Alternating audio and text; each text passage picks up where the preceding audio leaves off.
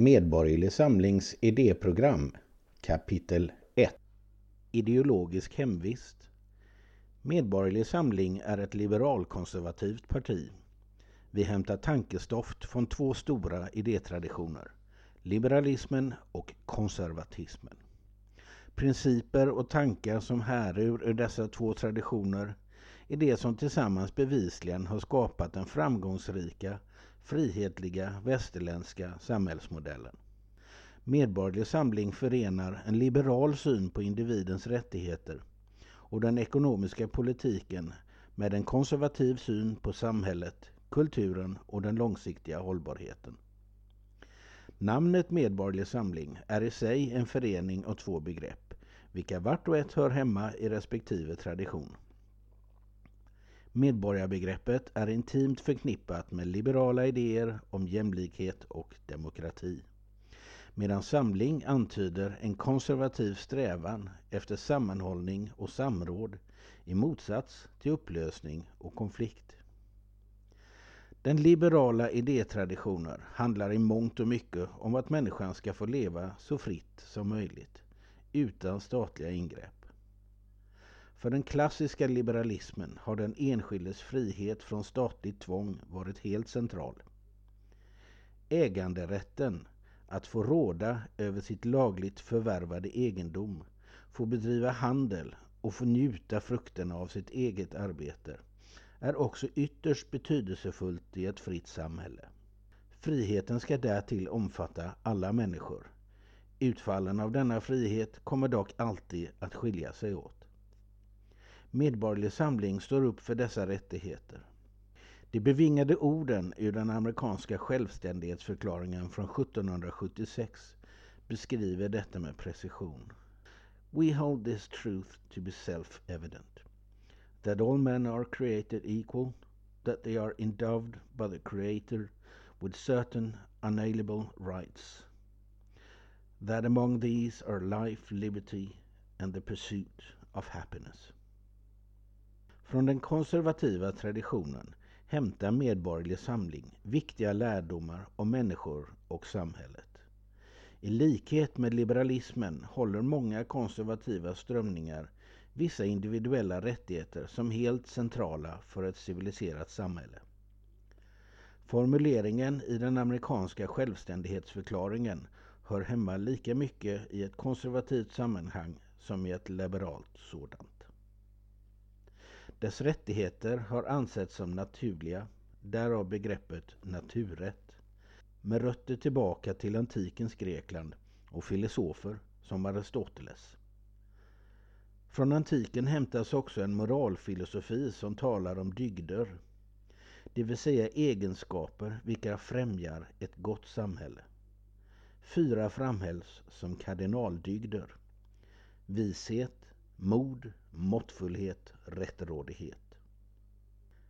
Den liberala traditionen och naturrätten förskriver att det finns värden och rättigheter vilka staten inte har rätt att upphäva, vilka kan gå före de lagar och regler som tillfälligt har instiftats om de sistnämnda försöker att helt tillintetgöra dessa värden och rättigheter. I modern tid kan framförallt nationalsocialismen och kommunismen nämnas i sådana angrepp på det civiliserade, anständiga samhället. Den andra konservativa principen, vars betydelse inte kan överskattas, är den vikt som tillmäts ackumulerade erfarenheter och visdomar. Som någonting att bygga vidare på och utveckla. Edmund Burke som brukar benämnas som konservatismens fader, iakttog hur den franska revolutionen på bara några få år gick från frihet och jämlikhet till att urarta i skräckväldet. Samhället mår bäst av att förändras stegvis och i linje med beprövad erfarenhet, inte genom våldsamma omvälvningar. Det Burke kallade innovation i det ständiga samlandet av goda erfarenheter från samhällets alla medlemmar genom historiens gång. På sätt och vis är konservatismen en anti-ideologi. Eller snarare ett allmänt förhållningssätt till förändring. Storslagna planer, visioner och abstrakta idéer vilka anses kräva stora politiska förändringar är någonting som ska misstros. Att bygga upp någonting kan gott ta många generationer. Att riva ner och fördärva kan gå fort. Totalitära ideologier och politiska krafter med totalitära tendenser ska bekämpas.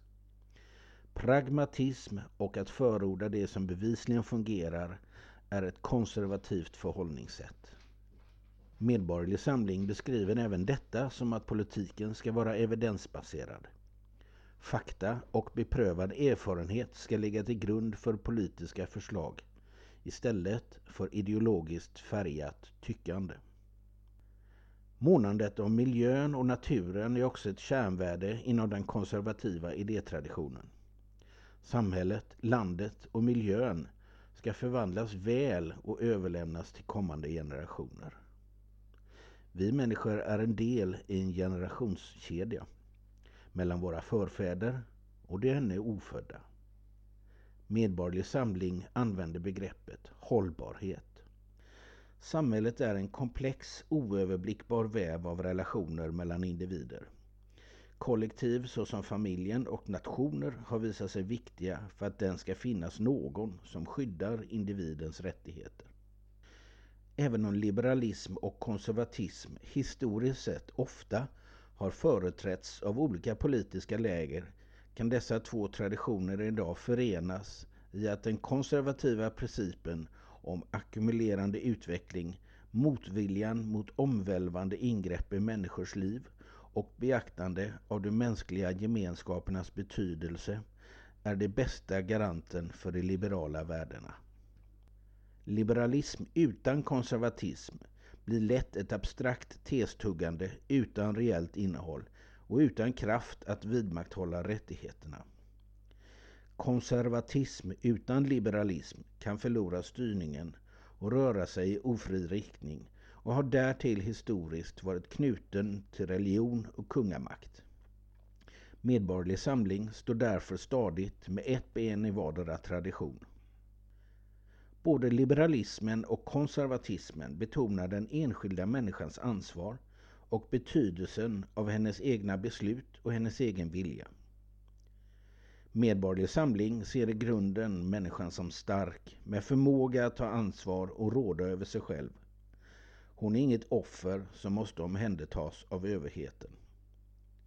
Den enskildes rätt till ett privatliv måste värnas och skydd resas mot statligt förmynderi.